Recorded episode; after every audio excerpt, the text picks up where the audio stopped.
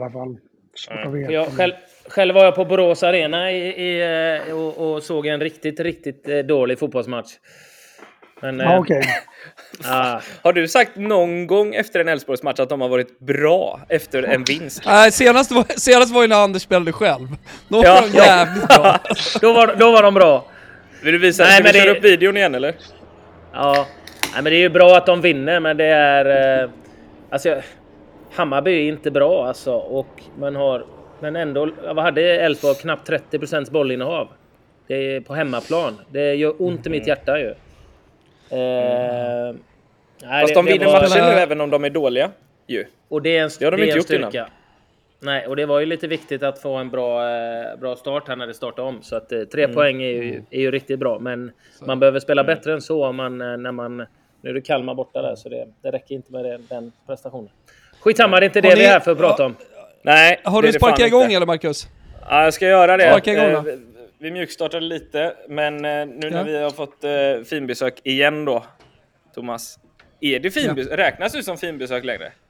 Nej, jag är ju inte det är ju inte, det är inte jätteofficiellt, eh, eller det, det, är officiellt, men eh, det har inte basunerats ut så gjort några PR-kampanjer på det, men jag är ju numera en del av Skills. Exakt. Och eh, det betyder att jag är en del av den här podden när jag vill, höll jag på att säga. Ja, ja faktiskt. Du är chef. Det, men det är kul. Du har, ju, du har ju tio poddar nu alltså. Hur många poddar gör du? ja, det är nog någonstans där. Sen är jag ju inte med i alla poddar eh, själv, men, eh, men det är nog runt, runt tio poddar. Jag lanserade en ny podcast på Podme idag, eh, Amarkord, en, eh, mm. en uh, historieberättande podd. Det är så litet, kort format, 20 minuter, inga Erik Niva-grejer. Men Nej. mysig, mysig på sommaren. Underbart. Har vi gjort lite reklam för den också, det är fan kanon alltså. Ja. Eh, ja. Men, eh, nu ska vi dra igång eh, den här podden och det gör vi genom att hälsa Andreas Engelmark varmt välkommen till Skillspodden.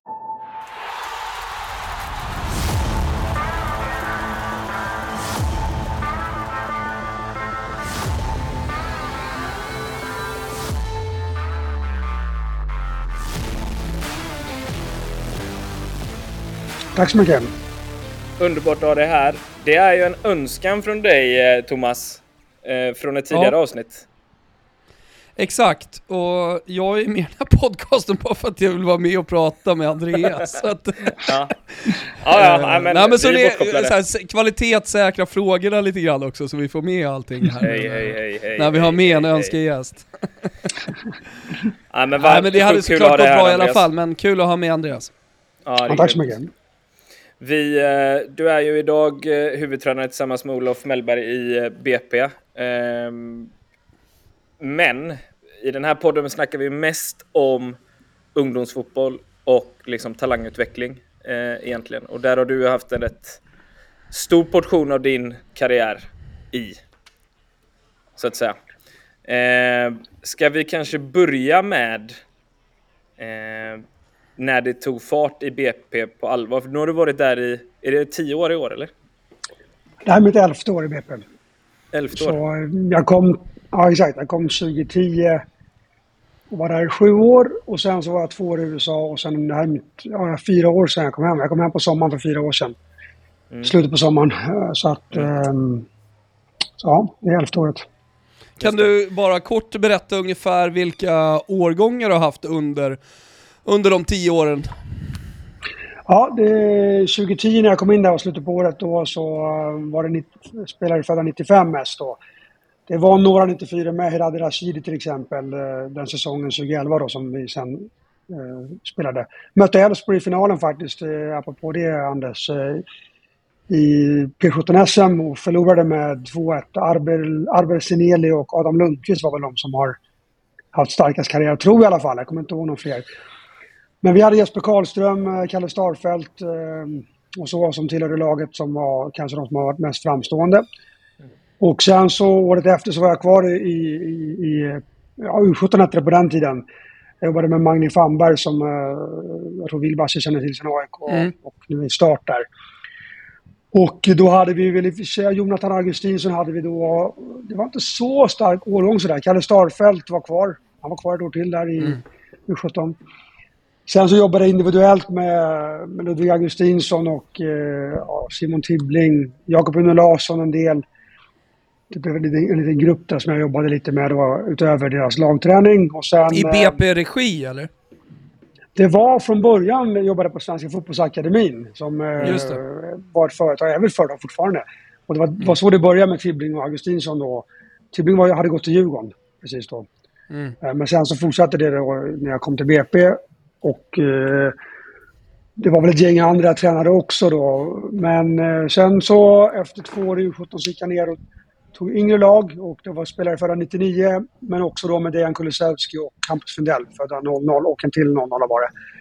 Så att eh, de hade jag i tre år där och mm. följde dem ganska länge då så det var väldigt roligt. Och sen kom de upp i U17-nivå så var jag kvar då när 00 var U17, eller jag kom tillbaks typ, jag hade 00 01 där. Var det med någon också då, Fredrik Hammar och var väl uppe några matcher tror jag om jag minns rätt. Och sen så blev jag akademichef och då var det ju alla årskullar helt plötsligt man hade någon form av mm. ansvar för. Mm. Och eh, var det tills jag flyttade till USA och sen jag kom hem så har det väl varit spelare födda 01 och neråt kan man säga, ner till 06 med, med, med Lukas Bergvall som har varit uppe i i uh, A-laget. Oskar Falenius till exempel som är 01 och ner till 06 och Lukas Bergvall kan man säga. Omar Faraj till exempel som nu är AIK som vi pratade lite kort om här tidigare. Mm. Som, vi, som vi mötte här i lördags. Bara lite kort recap av staterna där. Vad gjorde du i USA? Mm. Jag hade U17 där. U17 är en... Eh, I just USA så är det en, på, Nu har de gjort lite förändringar men det är en väldigt kul år, år, år det är väldigt kul lag att ha för de åker på bäst turneringar om man säger så. Och spelarna är fortfarande kvar i sina klubbar. Sen när de går upp i U19 så blir det... Det kan bli lite college och det kan bli att du börjar på A-laget också då. Så att, eh, det var roligt. Mm. Jag var två år där då med Columbus Crew. Och eh, vi hade bra gäng tränare, kollegor och sådär som... Eh, fyra stycken som hade jobbat i Valencias akademi. Så det var, mm. det var nyttigt och lite blandning av amerikanskt, spanskt och ja, jag själv då. Så det var, det var en bra mix av människor. Får man bara fråga, du berättade ju om massa, du berättade om massa talanger eh, från BP eh, som alla känner till som lyssnar på det här, som har kommit upp och gör karriär just nu. Fanns det någonting i eh, USA, fanns det någon spelare i USA som, som eh, nu har gått vidare till en spelarkarriär?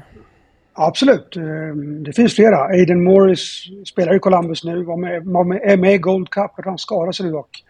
Nu ställer inte de upp med sina bästa i det här Gold Cup, utan det är de som mm. är från MLS då. Men lite som januari-turnén? Ja, lite så. Men startade där i landslaget så att eh, ändå, han, han är bra. Han kommer bli bra. 01 alltså är han. Mm. Sen är det 03, Tyler Wolf spelar i Atlanta. Gjort fyra mål tror jag i år och sådär. Det finns ett gäng till. Owen Wolf spelade, hans, hans brorsa spelade i U20-VM. Så att eh, det finns några stycken som har, som har MLS-karriär och sådär. Så får vi se om de kan ta sig ett steg till. Men vad, hur var nivån eh, jämfört med BP då till exempel? Var det, var det stor skillnad? Ligger de efter USA eller har de börjat komma ikapp Europa känner du? De börjar närma sig. Alltså nivån var, i BP så jämnare mellan den bästa och sämsta spelaren om man säger så. Ja. Där var det stor skillnad på det. Men eh, när vi mötte, men vi kunde ju tävla med de bästa i USA och Kanada då. Så när, när vi var på de här turneringarna så var vi, var vi bra liksom. Men inte bäst. FC Dallas, eh, Seattle Sounders, New York City FC, de, de är starka. Där, där, tar de in spelare från hela USA och, och så liksom, så de bara kör. Och så lägger de in riktiga resurser. Alltså, vi kommer att komma, till, komma in på det i Sverige om man jämför med... Alltså de resurserna vi hade går inte att jämföra med vad vi har i, i Sverige. Det är väl kanske Malmö som kan mäta sig med det. Mm. Så att det, det är liksom... De trycker på på ett annat sätt än vad vi gör i Sverige. Resurser i form av, vad, vad la de sina resurser på? Var det, var, det fler, var det en större stab kring lagen eller var det faciliteter eller var det allt möjligt? Faciliteter, eh, stab och resor. Vi kunde åka 11 mm. dagar till Dallas på turnering liksom. Och hotell, mm. ha det bra med mat och allting. Alltså, vi hade det bättre än vad vi har med A-laget i BP. När det mm. kommer till eh, logistik. Och liksom vad du som tränare kan fokusera på. Jag var bara tränare där. Jag höll inte på med någonting annat. Uh, och här i Sverige, även vi, jag nu i A-laget, håller på med grejer som är utanför tränarskapet mm. ibland. Mm. Och, så att där tror jag vi har en väldigt lång väg att gå inom uh, akademifotbollen och ungdomsfotbollen i Sverige. Där vi fortfarande har tränare som gör så mycket annat än att vara tränare för de, de bästa spelarna. Eh, en fråga där bara, eh, alltså med, med resurser. Alltså det känns som att vi gör det väldigt bra på pojk. Vi kan åka ut och tävla med BP's 06 och med BP's 10 nu, eh, hela vägen upp till vi 15. Eh, tävla med, mot de bästa ska jag säga, möta de bästa lagen i, och bästa akademierna ute i Europa. Och sen, eh, jag ska inte säga att det tar stopp, men, men eh, det känns som att det är någonting vi har kvar att göra på U. Eller? Jo, det kan jag hålla med om. Alltså det, det, svårigheten där, för oss i BP till exempel, så rekryteringen nästan, nästan omöjlig efter 15 års ålder. Det är väldigt svårt att få in bra spelare. Mm. Man kollar på mm, skaffa en lägenhet eh, och så vidare och sen ta hand om logistik mm. runt omkring. Jag tror till exempel Elfsborg har lite annan metodik. De har ju valt att rekrytera lite senare och kan hjälpa då med att uh, de kan bo, bo nära anläggningen och sånt om jag har förstått det rätt. Det stämmer. Ja. Um, Gula men, Sen har vi, om jag, om jag kollar specifikt BP, så har ju vi tappat många spelare när de blir 16-17 också. Jag var på mm. turnering med Dejan, eh, Joel Asor och Hampus var nog skadad då tror jag. Vi hade ett bra lag, så var vi då, det var en U16-turnering kan man säga. Eller det var en U16-turnering. Och då slog vi Atalanta, vi slog Genoa. Eh, för jag hade Dejan och Joel fortfarande i laget. och sen hade vi stabila spelare runt omkring, men jag behövde de spetsspelarna för att kunna utmana. Och eh, vi förlorade finalen sen mot Torino som hade slagit Juventus i, i semifinal. Så vi var bra liksom. Men jag behövde Dejan och Joel, annars hade det inte gått. Liksom. Mm. Och, eh, och vi spelade, spelade bra fotboll också, men man behövde den spetsen. Sen gick men det är svårt Dejan, att hitta gick... den spetsen också. Det är det som är grejen. Ja, det, det, det, du, du, kan, du kan utbilda eh, talanger, du kan selektera dem tidigt och utbilda dem. Men den där spetsen, den eh, växer inte på träd. Nej, det jag lämnat Atalanta några månader senare, Joel till Sunderland, liksom, då skulle vi upp på turnering mm. efter det. Då, vi kan ändå tävla liksom, men vi kunde inte göra resultat mm. om man säger så. Det, det kan mm. man väl säga kortfattat. Hur viktigt i den åldern är det att vinna tycker du? Jag tycker att så här, det är väldigt viktigt att lära sig att vinna. Alltså om du, inte, om du inte tävlar för att vinna så kommer du inte kunna spela på den nivån Anders har gjort till exempel. Det går ju inte. Eh, du måste lära dig att tycka det är viktigt att vinna och göra allt du kan för att du ska vinna den specifika matchen. Sen så tycker inte jag att eh, det får gå ut över liksom... Vi måste ju ändå jobba på, alltså apropå de här utlandsturneringarna. Första gången vi var ute och åkte med just det laget var de 14. Mm. 13 då var Hampus och det igen. Och då, då spelade vi fotboll. Vi försökte spela då, vad jag tycker utbildande fotboll då liksom. Men, men vi fick inte resultaten med oss. Hade vi backat hem och bara kickat bort bollen då kanske vi hade fått bättre resultat. Och så blev det lite bättre året efter och sen det här året som vi då eh, gick till final, då var det då ännu bättre om man säger så. Och det var ju för att vi hade lärt oss hur man skulle kunna liksom, utvecklas och hur lärt oss hur vi skulle kunna ta oss an de här lagen. Eh, och det var också en, den enda en gången... Där. Mm. Nej men jag ska alltså, bara säga en del där, det finns ju så många, alltså om man pratar om att tävla, det diskuteras väldigt ofta och det landar, det, det landar inte sällan på um, i en diskussion om man ska tävla eller inte tävla, så det blir väldigt onyanserat, det blir svart eller vitt. Mm. Jag tycker att hela tävlingsbiten är betydligt mer nyanserad.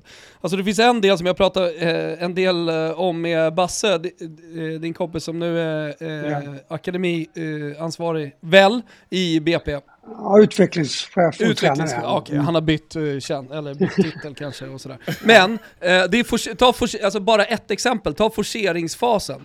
Alltså mm. som är jätteviktig i fotboll, när, när, du kommer upp och du börjar tävla, uh, och du får tävla och du ska vinna P17 SM, eller vad det nu är för någonting.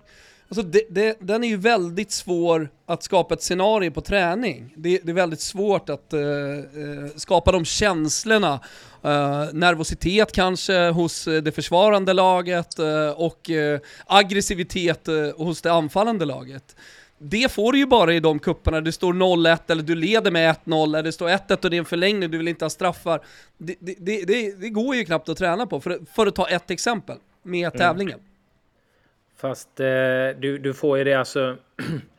här är vi ju inte helt överens alltid, men eh, du får ju det. Jag, eh, vi har ju precis börjat tävla, eller tävla eh, gör vi ju hela tiden. Det är det, jag, det är det jag menar med just det här med, med serietabeller och sånt där. Men vi vet ju det i match... Killarna har ju stenkoll på vad det står i matcherna. Så vi tävlar ju varenda jävla match. Jag har ju barn som gråter på träning när de förlorar fyra mot fyra. Mm. Eh, liksom min son igår, liksom, vi spelade tre mot tre konditionsspel, var ju helt tokig.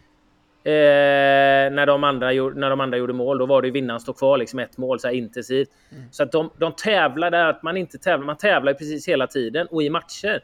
Det är upp till mm. ledarna att föra in. Jag menar, ligger vi under med ett mål även om det inte är någon serietabell i slutet, då tränar vi ju på den här biten. Vi vill ju vinna. Då trycker vi, då forcerar vi ju fram. Men jag, liksom. upplever, jag upplever när jag har varit på kupper och det har varit kvartsfinaler, semifinaler och finaler, eh, som eh, eh mina tjejer liksom har ställts inför de, de uppgifterna. Till exempel förra året så var ju final mot Madrid i, i eh, Is Mallorca.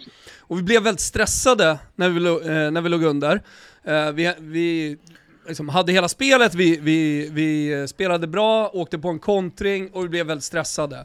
Eh, och sen har vi upplevt det även i seriematcher, när det har gått lite sämre och vi varit tvungna att forcera, men det går inte att jämföra med den anspänningen, med publiken runt om, eh, liksom 300-400 eh, runt arenan med bengaler eller eh, rök, och, och det, vi vet att vi åker ur.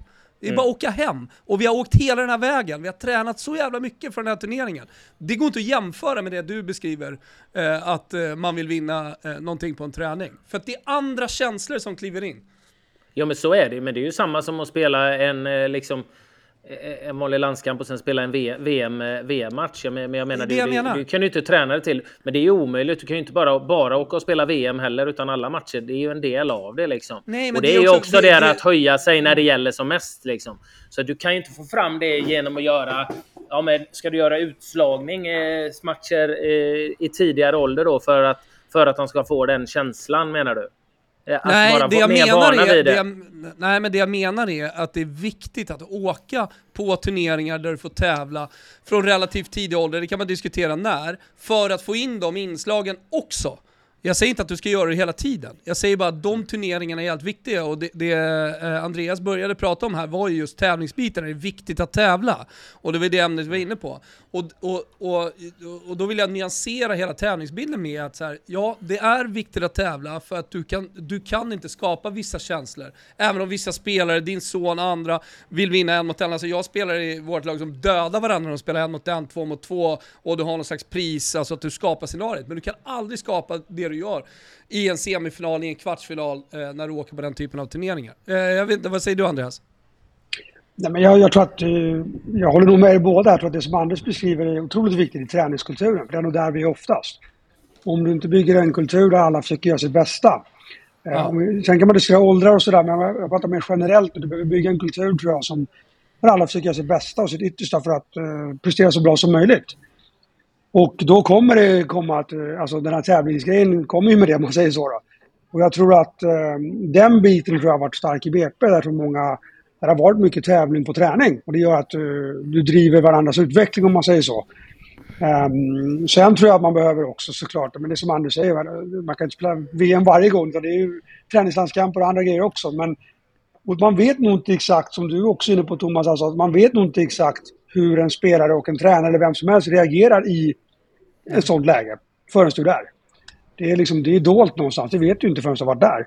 Alltså, i en förlängning i VM eller vad det nu kan vara som du har mm. spelat andra säsong. Vi vet ju inte det förrän ni är där hur exakt kommer reagera. Man kan anta. Men jag tror att, uh, att skapa en kultur av att alla gör sitt bästa och jag tror att någonstans så ingår det motgångar i livet och uh, det kommer barn också vara med om. Både på fotbollsplan och på andra ställen i livet. Och det tror jag vi, vi behöver vara ändå... Där kan jag tycka att det är pedagogiskt som diskussionen har varit uh, lite i Sverige. Det ska vi inte skydda mot liksom, naturliga motgångar för det, det ingår i livet. Det kommer komma. Eh, sen ska vi inte provocera fram dem heller, men vi ska ändå... Det ingår ibland att vinna och förlora. Det ingår att någon... Att, uh, jag har en dotter som är ett och ett halvt. Hon har redan varit med om, man säger motgångar eller så här tuffa... Man lämnar på förskolan första gången. Det tyckte inte hon var jättekul liksom. Men det är en del av livet liksom. Mm. Men, Nej men och för att eh, bara liksom eh, eh, wrap it up lite, det, det jag var inne på. Alltså träningskulturen är såklart det absolut viktigaste. Och tävla mm. på träning, det som du är inne på Anders, jag håller helt med dig. Jag bara menar på att just de här turneringarna, att få in dem ibland, det, det som du har åkt väldigt mycket på eh, Andreas, och som jag upplever eh, från de här åren jag, jag har varit i Hammarbys akademi, varit så otroligt viktigt. Alltså också de motgångarna, att förlora den finalen mot Madrid, trots att vi kände att vi var bättre. För det skapar sådana enorma, eh, en enorm besvikelse och alltså förlora på riktigt. Det är en annan sak att förlora på träning eller att förlora ett seriespel än att förlora en final. Och att få in de inslagen menar jag bara på, det är väl anledningen till att BP väljer att åka mycket på utlandsturneringar också, en av dem. Det är en annan anledning. Lära sig vinna och, och möta Ja, bättre. en annan är ju referenserna. Alltså här i Stockholm mm. så Sverige kunde vi var vi oftast, det var väl ett par till lag såklart. Malmö var bra, AIK var, var bra och är fortfarande såklart. Och några till liksom. Men där fick vi andra referenser och det som hände också var att de flesta lagen anpassade sig efter oss här i Sverige. Men även och med att AIK, de backade hem och sparkade långt fast de har Alexander Isak i laget. Eh, Malmö lite annorlunda, men, men inte så om man ska vara mm. krass. Men alltså, åkte vi utomlands så mötte vi lag som var bättre än oss med bollen. Vilket mm. helt plötsligt var så oj, vi hamnade i lågt försvarsspel för första gången. Mm. Och, och, vad händer då? Alltså det är, det är väl inte där jag helst hamnar med mina lag, men, men vi behöver också lära oss det någonstans. Mm. Eh, över tid. Och att det är liksom, hur ska vi ta oss ur det om inte annat? Vi kan inte bara pressa högt kanske och vinna mm. bollen. Vi kan inte bara diktera, de pressar oss högt på ett bra sätt. Ja, precis. Men lärdomen är viktigare än, själva, än, än det enskilda resultatet, eller? Ja, 100 procent. Det, det, är klart att det är det. Absolut. Är att jag, jag, jag, älskar ju det här som du beskriver med Thomas, eh, med, med, med kupper och sånt där. Att, att ha det och åka på det är jättenyttigt. Sen kan jag tycka, jag tycker ju även i en lägre ålder att du ska få åka och, och vinna en kupp. Däremot så tycker jag då att cuparrangörerna eh, bör lösa så att ett lag inte åker dit och spelar två matcher och sen åker hem och så spelar de som vinner tio. Utan man kan ändå lösa A, B, C-slutspel och så åker man ut. Men det, det, det upplever jag att de har gjort bra, alltså i alla ja, fall ute bättre, i Europa. Bättre och bättre, men vi, fortfarande mm. är det ju många kupper där du inte får vinna, där alla, alla får samma pokal, alla spelar samma antal matcher. Sam, spela ja, samma antal matcher är okej. Okay. Jag kan tänka mig att till och med gå så långt så att någon som förlorar en kvartsfinal får möta ett annat lag som kvartsfinal. Men det ska inte vara fult, för det ska ändå vara en målbild. Alla vill vinna den där stora jävla pokalen och det ska inte vara fult att ha det. Men det jag vill inte ha det att ett lag åker och spelar två matcher och så får de åka hem och så spelar några tio. Men det gör man ju det med A och B-slutspel. Men det har varit någonstans fult. Nej, nej, nej, nej. Alla får spela lika många matcher och så vinner ingen. Det, det, där tycker ja, jag man kan justera, ju... för då får man in de här mm. momenten eh, som du, som du gärna vill ha in. Och det tror jag, det tror jag är nyttigt också. Men jag tycker i, i yngre åldrar så är det inte bra om vissa får åka och spela två matcher och vissa tio. Ja, men jag såg Där nu, måste man jobba äh, vidare då.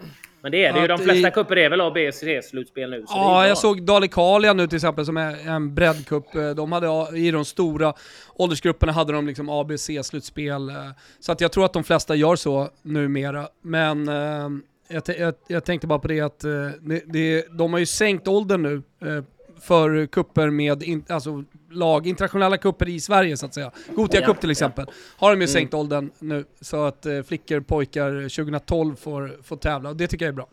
Mm. Ja, men det, det, är bara, bara för att ta ett exempel då. Min son spelar ju handboll också. Vi var ju, de var i Prag och spelade. Och mm. eh, de, de, de, har ju eh, Sävehof. Jag tror det är som, nästan som BP fast i, i handboll. Det är, det är världens största handbollsklubb och de plockar. Men de jobbar ju inte med ett första lag, utan de jobbar i seriespel har de ju börjat nivåanpassa. Men när de åker på de här kupperna ner så åker de ju, då gör, åker de ju ner med eh, fyra lag typ och då, då är det fyra jämna lag. Eh, vilket innebär att eh, ja, de flesta går ju till B-slutspel, men Eh, min sons lag till exempel, de har en kille som är 1,85, 12 år liksom. Och han är jävligt bra i handboll. Så han tog ju dem till A-slutspel lite på egen hand nästan.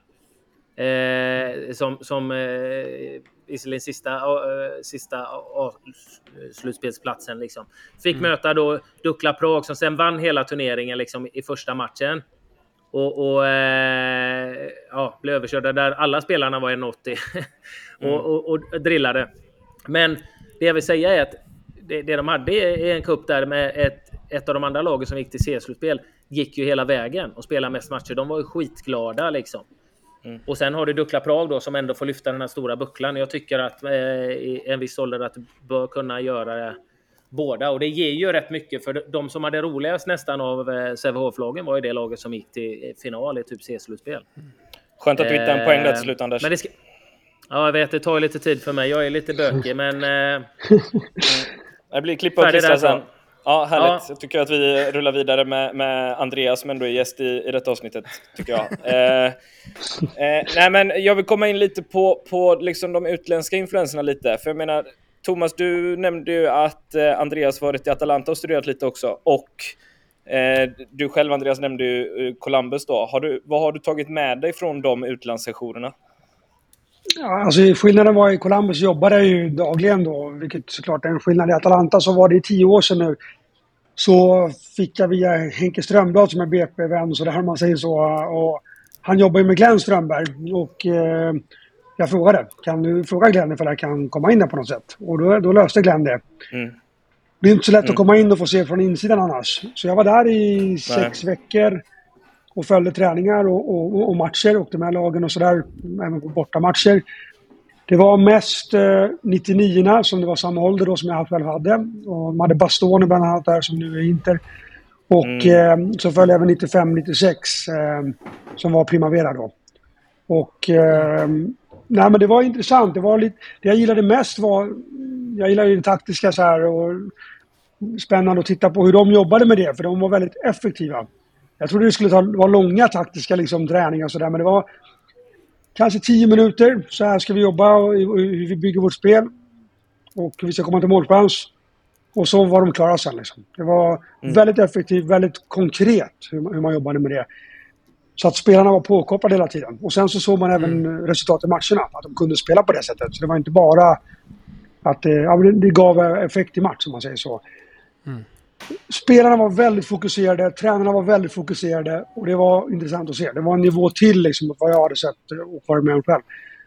Um, så att det, det, var intressant i Italien tyckte jag, där och då. Det är tio år sedan och det var just Atalanta, men Atalanta är ju en intressant akademi.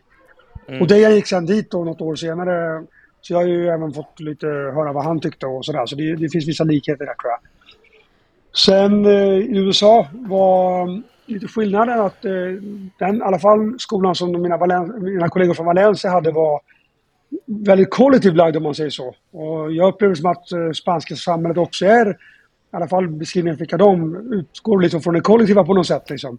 Och hur ska vi få ihop det här eh, ja, laget då helt enkelt. Och sen utifrån det så då börjar man jobba med individen. Medan vi i BP har haft väldigt mycket fokus på en mot en och individen och sen laget om man säger så. Mm. Så det var, en, det var en intressant skillnad och eh, vi jobbade mycket med det här positional play om man säger så som, som eh, har varit väldigt populärt de senaste kan det vara 15 åren i, i världen. Guardiolas Barcelona liksom så. Mm. Och det var och även då hur man skulle träna för att nå dit. Så det var en individuell utveckling fast från ett annat håll om man säger. Sen tycker väl jag att ibland det var lite väl strikt. Att du ska stå i den positionen, var där liksom. Utan jag gillar kanske lite mer en flytande fotboll om man uttrycker sig så. Och mm. jag tycker väl att jag fick in vissa sådana influenser eh, också där och har tagit med mig det hem, eh, tycker jag, på ett bra sätt. Mm. Men, men det jag tycker egentligen, när man ska bara avsluta det här, att jag tycker en stor svaghet som jag upplever med eh, seniorfotbollen, om man säger så, i Sverige, det är att där tror jag att många tror att det är slut på utvecklingen. Liksom. Vi behöver inte jobba med spelarnas mm. utveckling längre. Och det tror jag är um, det, det, där tror jag är ett stort misstag. Klubbarna behöver investera i tränare som har fokus på det.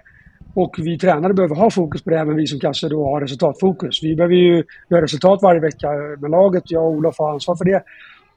Men vi behöver också mm. utveckla spelarna. Framförallt de unga killarna som är... Annars kommer BP inte kunna spela i Allsvenskan eller Superettan ens en gång. Um, de måste bli bättre så vi kan få bra resultat i matcherna men också kunna sälja dem vidare. Så, så är det bara. Och när, när vi pratar om utveckling, alltså fortsatt även i, i senior, um, kan du vara mer konkret där? Uh, vad du tänker kring liksom, den utvecklingen, hur man jobbar med den utvecklingen när det samtidigt finns ett resultatkrav som kanske är större än i ungdomsåren?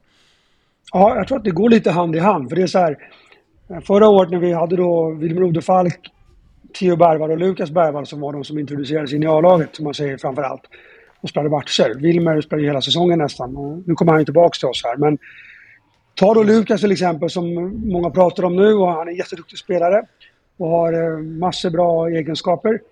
Vi ska möta Landskrona, han ska göra sin första start. En viktig match för oss för att kunna gå upp i Allsvenskan. Och eh, då blir ju vår uppgift att få ut hans egenskaper så bra som möjligt i, i den specifika matchen. Och en del han behöver ha koll på det är ju till exempel, ja, men nu ska han pressa sin... Var, när och var ska han pressa? Vissa delar i hans anfallsspel pratar inte jag så mycket med honom om. Utan det blir där, där, där någonstans. Se till att spela snabbt, se till att du liksom inte hamnar med bollen för länge och det blir mycket duell. Utan undvik duellen och spela bollen snabbt sådär. Men i försvarsspelet så är det väldigt viktigt att han behöver göra, pressa, veta vem man ska pressa och när, om man säger så. Då. Mm. Så att han springer runt bara, om man, om man ska förenkla det liksom. Och, och den uppgiften för honom har inte varit lika viktig på eh, ungdomsnivå. Så det är ju någonting som var han utvecklade när han kommer till seniornivå. Landskrona har många spelare i uppbyggnad. De är duktiga på att hålla i bollen. Och, och, de spelar, och i anfallsspel spelar de väldigt, eller förlåt, försvarsspel spelar de väldigt mycket man mot man inriktat. Så vi behöver ju förbereda honom inför den matchen på att hantera det. Och mm. det tror jag är en stor, stor skillnad mot U19 och U17 eh, för honom. Eh, där det blir väldigt mycket mer specifikt mot givna matchen. Och eh, det är en utveckling för honom också, att kunna hantera det. För i BP så mycket, du kan liksom... Eh, du, har mycket boll i nästan varje match i, på akademisidan. Och du kan lite göra liksom... Du kan göra ett misstag inte hela världen. Det måste, men så är det inte när vi spelar i A-laget. Då, måste du, då kan ett misstag kosta matchen. Och eh, mm. de detaljerna jobbade vi med inför den matchen. Men sen också har jag med alla de här killarna som har kommit upp sen 2020 i A-laget suttit ner innan säsongen och haft en utvecklingsplan med dem. Mm. Och så här, vad, vad har vi för konkreta grejer du ska, du ska fokusera på? En, två grejer i anfall, en, två grejer i försvar och såklart omställningarna där också. Men, och eh, sen har vi jobbat med det under hela året. Eh, Men kan det vara liksom, så i den där matchen mot eh, Landskrona att du tar ett ansvar också när matchen är igång och coachar honom individuellt mer? Just, du ska pressa där nu, du, du nu, rör dig dit, att du eh, ja, men förändrar din coaching lite. Här, lite. Absolut kan det vara lite extra eh, till en sån spelare som då kanske sin första match och sådär. Mm. Det kan det vara. Eh, sen är det svårt när matchen flyter på. Liksom. Jag, tror kanske inte heller för mycket på den coachen där du, styr för mycket. Men givetvis, det blev nog break kommer jag ihåg i just den matchen. Och du pratade om Nikola Vasis förut här. Och han, var, han var nia och då, de hade kommit lite fel. Men så justerade vi någonting då så blev det bättre. Mm. Det kan man du, prat, du pratar om att ut, fortsätta utvecklas på seniornivå. Tittar man på Lukas som är uppe, han är ju, även om han tagit klivet upp i seniornivå, så är han fortfarande en väldigt ung spelare. Jag tolkar det ändå som att du tycker att vi borde fortsätta utveckla även äldre spelare på seniornivå liksom, och inte nöja oss med deras utveckling, att hela tiden försöka utveckla spelare, eller? Precis så. Det, det tror jag... Jag tror klubbarna blir mer och mer medvetna om hur viktigt det är. Dels tycker jag vi har ju med människor att göra. Vi ska alltid försöka hjälpa dem att bli bättre. Det tycker jag är liksom det är därför jag är tränare någonstans. Och, alltid, och jag, min tro är alltid att spelarna kan bli bättre, även när de är äldre. Vi har ju några killar nu som, som var, vad kan det ha varit, 23, 24 där när vi var i, 25 till och med, när vi var i division 1 för två år sedan. Som nu spelar allsvenskan och gör det bra och kommer förmodligen gå till bättre klubbar verkar det som. Och det är ju för att de har haft en utveckling. Dels för att de har spelat på bättre nivå men också att vi fick hjälpa dem. Så att, men jag tror liksom klubbarna är väl medvetna om att idag ska du bli framgångsrik behöver du sälja spelare. Och eh, de, bästa, de mest försäljningsbara spelarna är yngre spelare. Och vi kan kolla på... Sneglas ofta mot Danmark och jag tycker ibland att det blir lite överdrivet. Men en sak som de är klart bättre på oss, det är att de säljer spelare för, för högre summor. Det är tydligt. Och eh, då är det liksom... En sån som Lukas nu för Djurgården är det ju jätteviktigt. Dels kommer han utvecklas av en bra träningsmiljö och bra matcher. Men du kan alltid skruva på lite extra genom, genom lite, till exempel utvecklingsplaner. Det blir jätteviktigt för Djurgården i det här fallet då att kunna, kunna göra det med honom för att kunna dels få bra prestationer på plan men också kunna, givetvis, de vill ju sälja honom. Det är väl uppenbart att de kommer vilja göra det närmast år. Mm. Ligger, ligger ansvaret, tycker du, är ansvaret delat eh, spelare kontra klubb när det kommer till att utveckla seniora spelare? För jag menar, tar du en sån som Nico eh, så sökte han ju sig till oss som typ 29-30-åring. Yeah. På egen yeah. hand.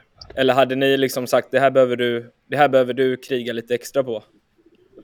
Nej, men jag tror att det, det, är klart att du kan... Som spelare måste du ha en drivkraft att, att vilja bli bättre. Det är ju nummer ett. Eh, har du inte det spelar det ingen, inte så stor roll vad jag gör. Liksom. Sen kan jag ju försöka inspirera till att det, att det ska bli ännu mer som tränare. Det är min mm. uppgift. Mm. Men du måste ha en egen drivkraft, annars, annars går det inte. Och, och där kan man väl säga att spelare absolut med, eh, efter dialog kan ha, göra extra träning. Det, det, det, det kan vara bra. Eh, mm vi har ju liksom en begränsad tid och det finns belastningsfrågor och så vidare. Så här, det är väldigt strikt idag hur mycket tid vi får lägga på, får, men väljer att lägga på spelarna men utifrån fysiska data. Och där kan man diskutera hur mycket det ska vara att bestämma. Men mm. eh, spelarna har ansvar, vi som klubb har ansvar att utveckla spelarna.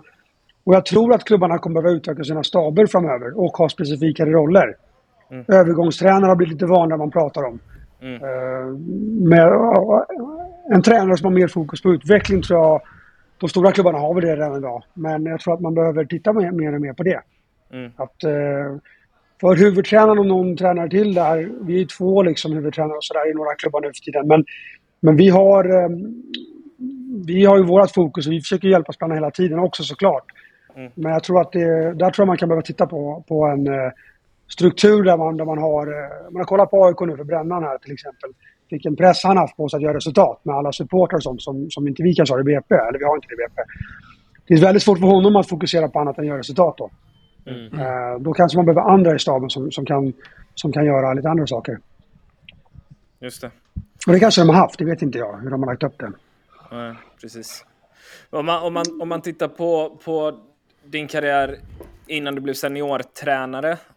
Eh, hur har ditt fokus eller din fokusfördelning sett ut när du har liksom tränat de unga talangerna och de unga spelarna i BP? Vad, hur har fokusfördelningen varit på ordinarie lagträning kontra individuell utveckling? Det som vi hade, individuell, individuell utveckling låg alltid i fokus. Vi hade alltid ja. utvecklingsplaner för varje spelare och så vidare och gav mycket feedback eh, till spelarna. Alltså de hade specifika uppgifter för varje match och så fick de feedback på det. Alltså de hade ju flera uppgifter, men det kanske någonting som vi tryckte extra mycket på. Tänk på att eh, ja, ditt kombinationsspel eller vad det nu kan vara i den här matchen. Att, eller att variera, dribbla och kombinera. För det kan vara en grej från... Lite BP-skolan många dribblar mycket liksom. Och så, ja, du måste också kunna samarbeta med andra. Men eh, så fokus har legat, har legat där. Sen så kan man säga att i BP hade vi bra upplägg på den tiden. Vi hade Dels Alviksskolan som då vi jobbade med de yngre spelarna, så upp till nian. Och sen hade vi Bromma gymnasium som, fort, som man fortfarande har, där vi jobbade med gymnasiekillarna då. Så hade vi träningar på morgnarna. Och, eh, så jag hade, apropå kullar då, så hade jag ju även 98 på skolan där. Med Gyökeres och Beijmo till exempel. Eh, Hjalmar Ekdal. Och ja, han gick i på Äppelviksskolan och sen, och sen Bromma. Men, men ja, så de killarna, då, då var det mer individuellt inriktat på skoltid. Mm. Där vi jobbade med detaljer mer. Det kunde vara tillslagstekniken för allihop om man säger så, eller det kunde vara att du ska jobba med något specifikt i din position. Så att där, där la vi mycket tid på det. Det hade vi egentligen från och med 95 har vi haft det till, till, till fortfarande. Och jag var väl på skolan fram till 2016, något sånt där. Så det var väl 5-6 år där tror jag. Mm. Så att, menar, man, mm. Ja, men det, det, är nice, för jag tänker så här, det är många tränare som, som, som säger så, Uh, nu vet jag att ni har jobbat mycket så, du framför allt. Men, men det är många tränare som vi har pratat med, både i podden och utanför podden, som säger att man jobbar mycket individuellt och, och så vidare. Och sen så backcheckar man det med spelarna och då har det inte alls gjorts. Och då blir man ju lite skakig i knäna. Liksom så att, men men finns, det, finns det utrymme i, i BP's akademi idag för att träna spelare individuellt i laget, så att säga? Alltså det, om, om, man säger rent individuellt, om vi säger, om vi säger att individuell träning är en, en, en eller två spelare sådär. Det gör det inte på, de gör inte det på lagträningarna, utan det görs Nej. i så fall på skolträning. Mm. Det man kan säga, det jag tycker är så här, och det, jag menar i A-laget gör inte vi det heller eh, på det sättet. Liksom. Det, det, det, finns, där finns det väldigt begränsat med tid om man säger så. Sen kan man gå in någon gång specifikt och, så, och så där och ta någon spelare. Men det vi som tränare tror jag behöver bli jag i alla fall strävar efter att bli det att, att eh, hur kan jag hjälpa en spelare med små medel i den kollektiva träningen? Om vi till exempel kollar på en spelares, eh, ja, som Wilmer Odefalk då till exempel då, som vi jobbade med hans försvarsspel väldigt mycket. Uh, haft många bra egenskaper i offensiven då, men han behöver bli bättre på att försvara, kommer vi fram till förra året. Och då blir det att, då, då behöver vi först komma överens om vad, vad betyder det? I och med att han är kvick och kan läsa spelet bra så var en del som vi jobbade med var att han skulle vara duktig på att eh, ja, komma in framför sin motståndare och vinna bollen rent. För då kunde vi också bättre kontra. Mm. Eh, vinner du boll efter duell så är det svårare att kontra. Så vi ville hellre att han skulle läsa en passning och kunna sno bollen. Och kollar du på förra året så gjorde han det ganska många gånger och satte igång ett anfall och så blev det målchans eller till och med mål. Och då när vi har bestämt att det här är något vi ska jobba med så kan du då i en träning då jobba med honom på det här sättet. Mm. Att vi kanske då i ett spel, så, men där gjorde du det, tänk på att läsa spel, att där behöver du vara lite mer eh, du, du, kanske måste vara mer förberedd till exempel. Eller så här. Det kan vara små detaljer som vi jobbar inom, inom eh, det området. Då. Så då blir det individuellt i den kollektiva träningen på, på något sätt, om du förstår vad jag menar. Mm. Och du behöver vara effektiv som tränare. Du, du kan inte stå och prata så. Nu, nu har jag långt utlägg här nu. Men det har inte jag på planen om man säger så. Där nej, måste jag vara nej. snabb liksom och säga okej okay, Wilmer, där behöver du tänka på det, var lite snabbare där. Där, där var det precis som du ska göra, bra gjort. Um, och, och, så kanske någon, någon mening till, men där är det klart så att säga. Mm. Så att uh, jag tror man, den här överenskommelsen, vad är det vi fokuserar på? Så det inte blir så spretigt. Den gör att du kan utveckla spel i det kollektiva. För den vet är du glad att ha tillbaka honom? Ja, det är Det ska bli kul. Det ska bli spännande. Jag tycker att han är en... Nu har det varit tufft för honom i Djurgården och de har så många bra spelare där så det, det är ingen konst att han inte har spelat där. Men eh, jag tror vi kan få ut mycket av honom. Eh, framförallt över tid, men jag hoppas redan kortsiktigt. Jag ska ha extra öga på hur han vinner bollen rent i nästa match med VP. Ja, jag får se det. Jag får det. Inga jävla dueller som vinns här alltså. Här ja, men det, fan, det får han göra också, men, men Jo, men det, mm. det, det, det, är klart man får, får gå in i en duell. Alltså. Det, jag ja, jag inte, förstår. Det ska han göra. Men det är ändå en intressant mm. aspekt tycker jag. Mm. Just det här hur du vinner bollen. För vissa lag går väldigt mycket dueller. Det kan ju vi också göra. Men kan du läsa av en passning och jag vet inte vad Anders säger och, och, och gå in framför istället. Då behöver du inte vara störst och starkast liksom. Nej, det gör det. Är du smartare och du snabbare i huvudet och du läser situationerna, du läser så att du skaffar dig en bra position redan innan, för du ser vad som kommer att ske eh, och, och, läsa den. Det är ju som du säger, kan du gå in framför, vinna den genom att du läser spelet så bra och är i rätt position upp på tå, så blir det ju mycket lättare att starta farligare kontringar om inte annat. Precis. Mm. Så att, eh, jag tycker det är intressant det där med individuellt eh, i, i kollektivet, samtidigt som det är återigen komma in på resursfråga då, för om du är en, två, tre tränare så ja, ja, du, ja men du, som du säger, du jobbar då med, med Wilmer och en, en spelare som får individuella direktiv som du kan ha fokus på. Men det är ju en spelare den träningen och man har typ över 20 till liksom. Som kanske inte får individuellt i den då. Jag, jag, jag tycker det är någonting som vi ligger efter lite i Sverige med just med att jobba individuellt med, med spelarna. Därav eh, det jag jobbar med just nu. Men för, mm. för att hjälpa till där. Men jag, jag tycker eh, det är ändå intressant att höra hur, ni, hur du försöker få in det och jobba med deras individuella spelarutvecklingsplan. Det, det alltså, även om resurserna hade även om resurserna hade kunnat vara mer såklart, så, så det som Andreas säger, så, så uppenbarligen så försöker de ju få det att funka med de resurserna man har. det är klart att det, ja. sen det, är klart, det hade varit enklare om ni hade haft två tränare till i truppen som hade kunnat ta hand om den delen såklart. Och då behövs ju resurserna. Men ni försöker ju ändå jobba på det sättet, tolkar jag det som. Ja, jag, jag håller med. Alltså, ja, det försöker vi såklart göra och jag tror att eh, ena utesluter inte det andra. Jag håller helt med. Här behöver vi satsa mer och du menar, det, var lite det jag var inne på förut. Vad är egentligen en, en, en tränare då? En akademitränare. Vad gör egentligen en akademitränare då? Den har ju oftast tre, fyra andra uppgifter förutom sitt lag. Mm. Och. Eh, det hade inte jag i USA till exempel. Eh, där var, jag, där var jag tränare för U17. Sen hade vi smågrupper vi jobbade med ibland på förmiddagarna som kunde komma loss från skolan och då jobbade vi mer individuellt. Det var mitt jobb. Mm. Och eh, så ser det inte ut i, i, i BP idag. Det är camper och det är annat och sånt va, som jobbar med på sommarcamper ja, det... och sånt. Och det är så här, då blir det tufft mm. att eh, hinna med. Där jag tycker man dessutom då behöver över tid i alla fall titta på just det som Anders är inne på. Specifika tränare som jobbar med kanske ja, individuell träning eller vad det nu, vad det nu kan vara man väljer. Så att säga. Mm. Nej, men det är ändå intressant eh, om man kommer ner och man gör ett studiebesök på Stora Mossen där eh, många av BP's lag spelar. Och nu har ju BP väldigt många breddlag också, men även akademilagen.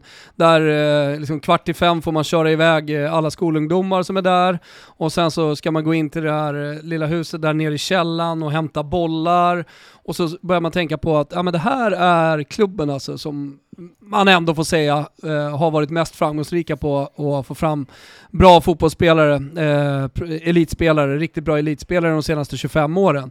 Mm. Eh, skulle man, och 06 är ute och vinner Europa och sen kommer 08 och så kommer 10 och det kommer alltid otroliga årgångar med otroliga spelare.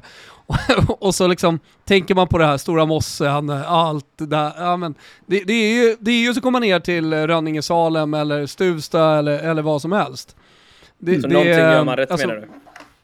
Ja, eh, det är det jag menar. Just det, alltså det jag tycker, du pratar om väldigt mycket Andreas, alltså det, och det, det jag vet att liksom tränare i BP har skapat, och även akademichefer, alltså allt från Tommy Söderström, Kissen, till dig eh, och andra. Det är ju någon slags kultur som man har byggt i BP.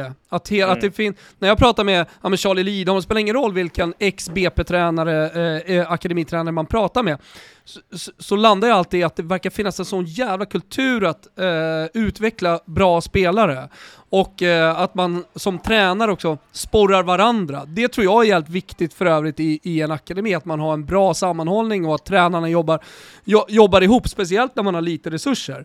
Och att man hjälper varandra och hela tiden utbyter med varandra, ger varandra feedback. Så. Och det upplever jag, den kulturen upplever jag har funnits väldigt bra i BP och är kanske den största anledningen till att man faktiskt har lyckats. Ja, men det tror jag definitivt. Alltså det, det, det, mm, just att skapa, det, det ska vara Alltså komma ner till Mossen, om du skulle fråga de här tidigare spelarna som nu spelar i ja, landslaget eller ute i Europa, många av dem, eller flera av dem. De tyckte alltid det var, eller alltid, men oftast att det var väldigt roligt att komma ner och tävla med sina mm. kompisar och, och liksom, det blev en bra sammanhållning. Och där, i media ibland så målas BP upp som någonting annat. Och jag säger inte att vi har varit perfekta, eller är perfekta. Det säger inte att vi är. Däremot så tycker jag lagsammanhållningen oftast varit väldigt bra i de lagen jag har haft att göra med. Och när jag träffar gamla spelare så har de fortfarande kontakt med många lagkamrater. Det är inte bara de som mm. har lyckats med fotbollen. Så att eh, den tror jag tillsammans med det som du säger, tränare. Den tränargenerationen jag var en del av, min första vända var ju med, man nämnde Magne där förut. Det var Ola Larsson som nu är i Göteborg som var akademichef. Det var René som är scouten för Groningen och, och, och lite andra tränare som, som eh, vi skapade också en samhörighet där som var efter den här Billborn Ackerman-eran om man säger så. Och så skapar man en grupp där som kör på några år tillsammans. Sen kommer det nya som, som gör det. Så jag tror att mm. det är jätteviktigt. Och eh, jag tror att... Eh, och faciliteter och sånt. Där tror jag att man behöver inte enorma faciliteter. Däremot så behöver BP vid någon tidpunkt titta bättre än vad, de har på, än vad vi har på Mossen just nu. Det, det, det behöver komma upp en, en, en nivå till. På Grimstad är det bra. Mm. Mm. Nej, men så en nivå till och när man bor i Stockholm så här, lik, några hallar till hade ju inte gjort något. Nu har ju ni Grimstallen mm, som ändå fyller liksom en funktion, eh, inte minst då på de yngre lagen, eh, för att du behöver inte så stora ytor för att träna dem och utveckla dem. Men, men eh, någon liten nivå upp eh, hade inte skadat. Ja, men så är det. Alltså, AIK och så fler resurser, Malmö, fler tränare. Ja, ja. ja, AIK och Malmö investerar ganska kraftigt nu och de senaste åren. Så det är klart att eh, det kommer vara tufft att AIK har bytt lite strategi också, rekrytera mer spelare mm, från en lite äldre ålder då, som de har satt igång nu. Mm. Så det, det, är klart att det, det är tufft. Eh, hur känns det? Hur, kän, hur, hur, tycker du det känns nu när någon 07 och 08 eh, gick som ni har, eh, ni har fostrat och utvecklat eh, och så går de eh, Ja, nu fick de väl lite pengar för den ena, men annars eh, går gratis till AIK. Nej, men alltså, genom, genom åren så har det rekryterats mellan klubbarna till, på olika sätt. Den här gången var det väl väldigt extremt vad jag förstod. Och jag, mm. jag tror väl liksom generellt att eh, jag tror det bästa är om du kan spela kvar i din klubb. Eh, sen kan det finnas undantag, att någon gång så är det så att det är bättre för någon att flytta om någon anledning inte trivs. Men att eh, det ska vara aktiv rekrytering tror inte jag är eh, det bästa för AIK, BP, Hammarby, Djurgården och sådär det är rätt så jobbigt att ta sig också, transportera sig från södra sidan till, till, till Grimsta till exempel. Mm. Men eh, så det, jag, jag tycker det är jättetråkigt när, när, när det blir så.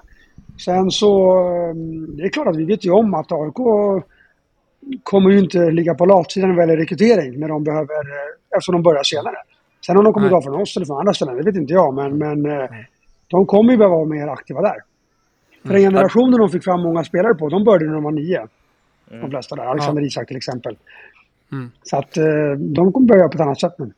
Hade du med, hade du med något, eh, något finger i spelet när, när Dejan drog till Atalanta som 16-17-åring där eller? Ja, det kan jag inte riktigt säga så, men jag hade ju någon som spelade då, så var vi där och, ja. spelade mot dem. Och det intressanta var att han hade varit där och provspelat precis innan. Så han kom direkt mm. från Bergamo till den här turneringen som var någonstans i Piemonte tror jag. Mm. Och, eh, och men sen så var det så att de frågade mig. Det, det gjorde mm. de. De ringde mig därifrån och min italienska är knackig men jag försökte säga någonting. Sen så ringde Glenn mig och frågade mm. ifall det var på riktigt om man säger så. De hade frågat honom också då. Och då sa han, att han är på riktigt, han kommer köra på. Han är, han är väldigt ambitiös och han har kvalitet. Sen så är det ju svårt att veta hur bra någon kommer bli. Mm. Men så ja, jag fick med spelet är inte på så sätt. Men de, de frågorna fick jag. Mm. Och sen så pratade jag med dig, ja, men, men eh, jag brukar liksom inte så här lägga mig i så mycket vad, vad eh, spelare tar för beslut om de inte frågar. Och han ville utomlands, det märkte jag. Men, mm. eh, men eh, ja, sen har vi haft kontakt genom de här åren och följt, liksom, jag har följt honom och vi, vi träffas fortfarande sådär. Mm. Vilken roll tycker du han är bäst i idag? Alltså, jag tycker han kan vara kantspelare om man har rätt att komma in centralt. För ja. mig är det en kombinationsspelare och har alltid varit. Uh, han behöver spela runt omkring sig som gör att han kan få dem att bli bättre och själv bli bättre. Och mm. uh, kan han vara kantspelare som kommer in då som han var, har varit till viss del i Tottenham. Och när han kom in där och hittade kombinationerna med Son och Kane inledningsvis och första kalenderåret egentligen så var det väldigt bra. Sen har han haft en, jobb, en jobbig vår nu som hela laget hade. Eh, och eh, det är synd. Men där, jag tror att han behöver spelare som han kan kombinera med och han behöver en stark nia. Då är han som bäst. Alltså en fysiskt stark nia som Kane är.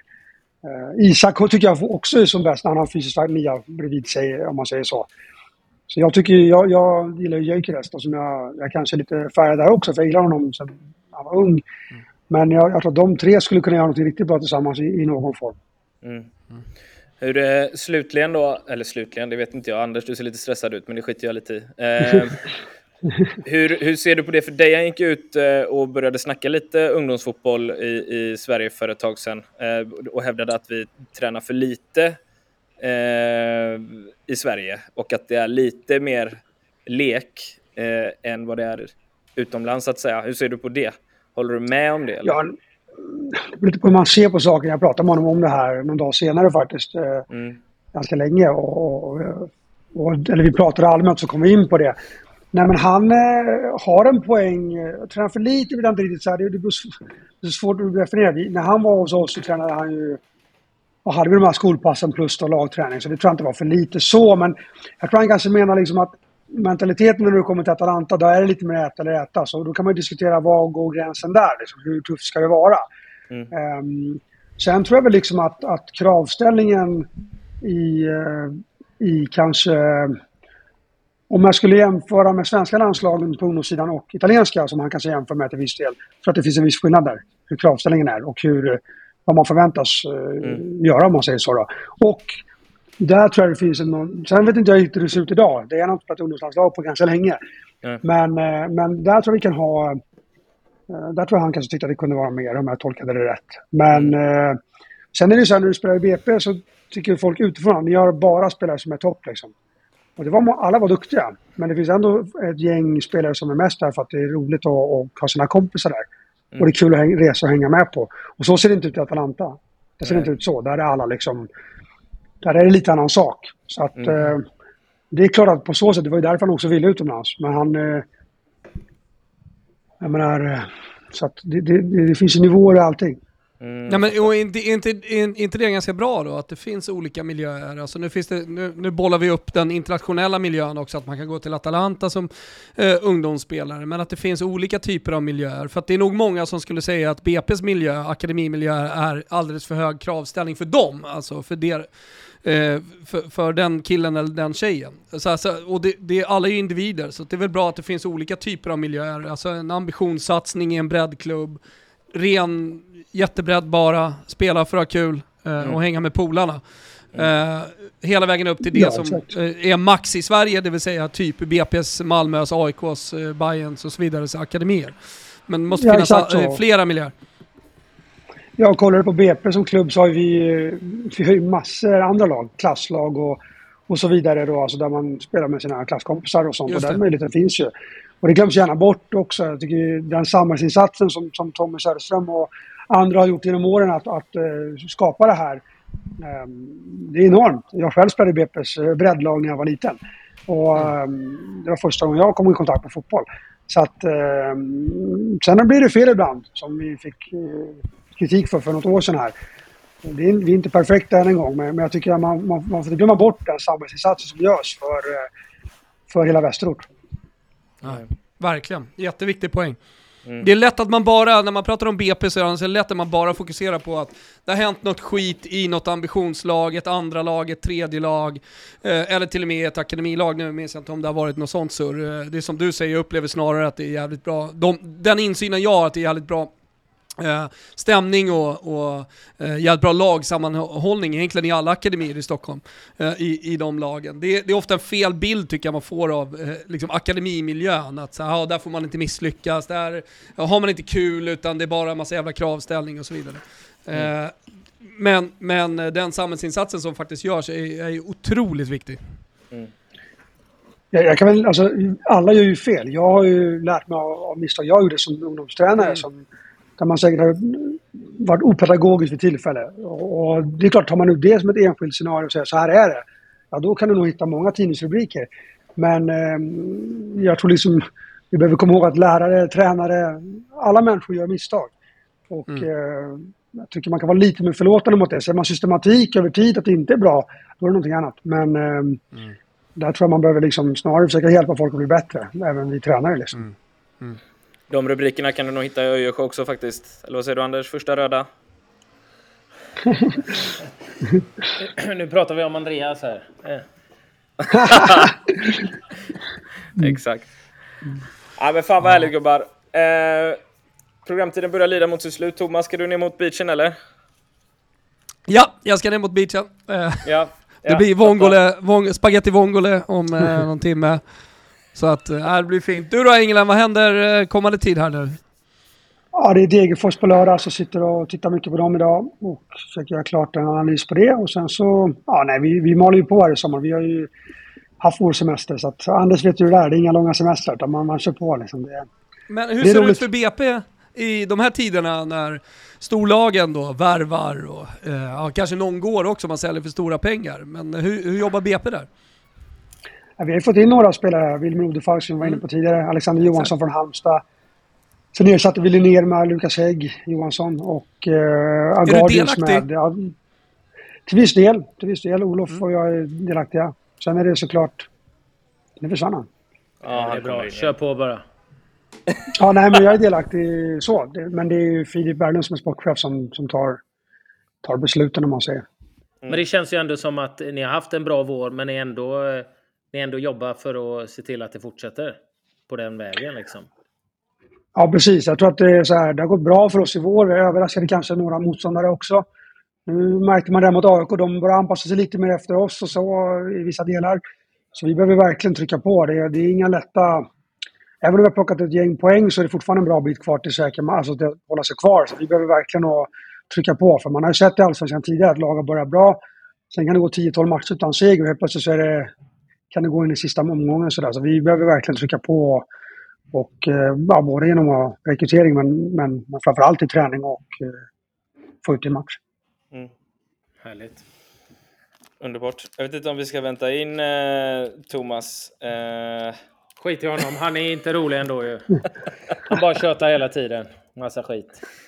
Andreas, du får jättegärna svänga förbi här någon gång också. Eh, så vi kan Absolut. visa upp lite grejer. Mm, eh, och du kan få klämma och känna lite och även kanske testa Eh, vill du vinna mot någon i en eventuell volleytävling så hade jag valt att ställa upp mot Anders, för han är rätt svag. Där. han har spelat i landslaget i 15 år. Ja, han har, ju, han har ju årets mål på en volley också. Det kanske är det som är grejen Anders. Vi kanske kör för nära målet. Vi kanske ska dra den från 22, 23, 24 meter där någonstans istället. Nu förstår inte jag. Jag vet att du är mästare där och du bor eh, i den hallen. Men nej, när vi körde tävling senast, då vann ju ändå jag. Mot dig. Ja, det, så det, det, är det här vi pratade om innan, om att vara bäst när det gäller. När det kommer publik, när det verkligen är på allvar. Då viker du ner dig, Marcus. Nej, men det hade varit jättekul om du ville komma förbi Andreas och kika ja, någon gång. Och, Tack Kul. för att du var med och stort lycka till här nu resten av säsongen. Jag hoppas verkligen tack, tack. att eh, ni fortsätter på den vägen som ni har börjat. Eh, kul att se. Tack så mycket. Mm, verkligen. Tack Fortsätt kriga. Thomas eh, lämnade oss lite tidigare. Han skyllde på att telefonen dog. Eh, men eh, jag tror att hans vongole kanske kom in lite tidigare än planerat. kan, vara, kan vara så. Kan vara så. Grymt Andreas, tack så mycket för att du var med. Tack så mycket. Tack själva. Ha det så bra. Samma.